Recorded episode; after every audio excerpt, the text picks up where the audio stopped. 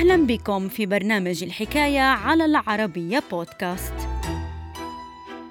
عقب رحيل القيصر نيكولا الثاني أعلنت أوكرانيا استقلالها وحظيت باعتراف من قبل الحكومة المركزية الروسية المؤقتة.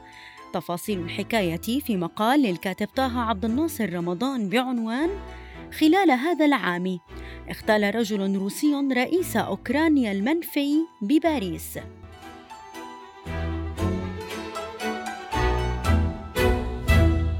الحكاية.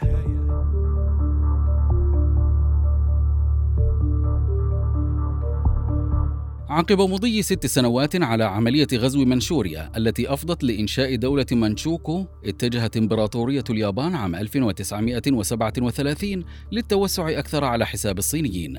ومع بداية الحرب الصينية اليابانية الثانية آمن اليابانيون بإمكانية حسم النزاع لحسابهم. خلال فترة لا تتجاوز ثلاثة أشهر بسبب حالة الانقسام والحرب الأهلية المستعرة بالصين منذ سنوات. وأمام هذا الوضع أبرم الشيوعيون والقوميون الصينيون اتفاقية هدنة واتجها لتوحيد جهودهما لدحر الغزو الياباني. في الأثناء خاب ظن اليابانيين حول غزو الصين حيث استمرت هذه الحرب لحين نهاية الحرب العالمية الثانية وتسببت بسقوط أكثر من عشرين مليون قتيل.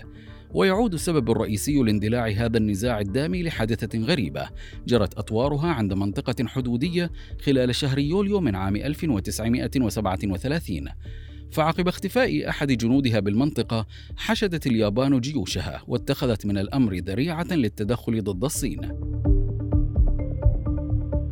حسب اتفاقية الملاكمين بوكسر بروتوكول المبرمة مع السلطات الصينية خلال شهر سبتمبر من عام 1901 سمحت الصين لعدد من القوى العالمية بوضع بعض من قواتها عند 12 نقطة بخط السكك الحديدية الذي ربط بين بكين وتيانجين بالشمال الشرقي للبلاد أملا في تسهيل المواصلات بين العاصمة وهذه المنطقة التي احتوت على أحد أهم الموانئ بالمنطقة. وباتفاقية ثانية أبرمت خلال العام التالي سمحت الصين لهذه القوات الأجنبية بالقيام بجولات وعمليات أمنية عند خط السكة الحديدية دون الحاجة لترخيص أو إذن من السلطات المحلية. خلال عام 1937 زاد اليابانيون من تواجدهم العسكري عند خط السكك الحديدية حيث قدر عدد قواتهم بالمنطقة بنحو 15 ألف عسكري بحلول شهر يوليو ومثل تزايد عدد الجنود اليابانيين بالمنطقة تهديدا حقيقيا للقوميين الصينيين الذين أكدوا على تجاوز عدد القوات اليابانية تعداد جنود القوى الأوروبية مجتمعة بالمنطقة. ليلة السابع من شهر يوليو من عام 1937 عبرت فرقة عسكرية يابانية متمركزة عند منطقة فينكتاي الحدود للقيام بتمرين عسكري واستهدفت هذه الفرقة بطلقات نارية.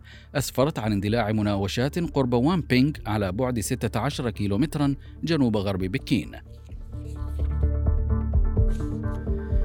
مع عودتهم لمناطقهم انتبه اليابانيون لغياب الجندي شيمورا كيكوجيرو فراسلوا المسؤول العسكري الصيني بالمنطقة وطالبوه بالسماح لهم بدخول وامبينغ للبحث عن زميلهم المفقود.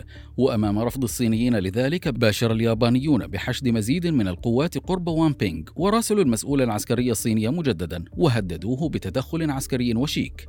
وكرد على ذلك أمر قائد فرقة المشاة الصينية السابعة والثلاثين الجنرال فينغ زيان القوات المرابطة قرب وامبينغ بالتأهب استعدادا للتصدي لهجوم ياباني محتمل. وفي خضم هذه الأحداث تفاجأ الجميع بالجانب الياباني بعودة زميلهم شيمورا كيكوجيرو لموقعه سليما. ومع سؤاله عن سبب اختفائه أكد الأخير أنه تاه وضل طريقه أثناء بحثه عن مكان آمن لقضاء حاجته. ولم تكن عودة شيمورا كيكوجيرو كافية لوقف الأزمة حيث تواصل التصعيد بين اليابانيين والصينيين وبلغ نقطة لا عودة. خلال الساعة الثانية ليلا في الثامن من يوليو من عام 1937 طالب اليابانيون بالسماح لهم بدخول وامبينغ للتحقيق في حادثة اختفاء وعودة الجندي شيمورا كيكوجيرو. وتواصل طيلة الساعات التالية تدفق قوات كلا الطرفين نحو منطقة التماس وسط تكاثف الجهود الدبلوماسية الساعية لوقف التصعيد. وفي حدود الساعة الخامسة صباحا فتحت إحدى فرق القوات الصينية النيران على الجنود اليابانيين المتمركزين عند جسر ماركو بولو وموقع السكة الحديدية القريبة. في الأثناء لاحظ العمدة وانغ لينغزاي تجمهرا كبيرا للقوات اليابانية حول وان بينغ تزامنا مع عودته للمدينة عقب جولة من المفاوضات. وبعد خمس دقائق فقط شاهد الأخير سقوط قذائف مدفعية صينية على الجانب الياباني. لاحقا تطورت هذه الأحداث التي عرفت تاريخيا بأحداث جسر ماركو بولو لتتحول لنزاع عسكري موسع بين الصين واليابان استمر لأكثر من ثمان سنوات وأسفر عن سقوط عشرين مليون ضحية.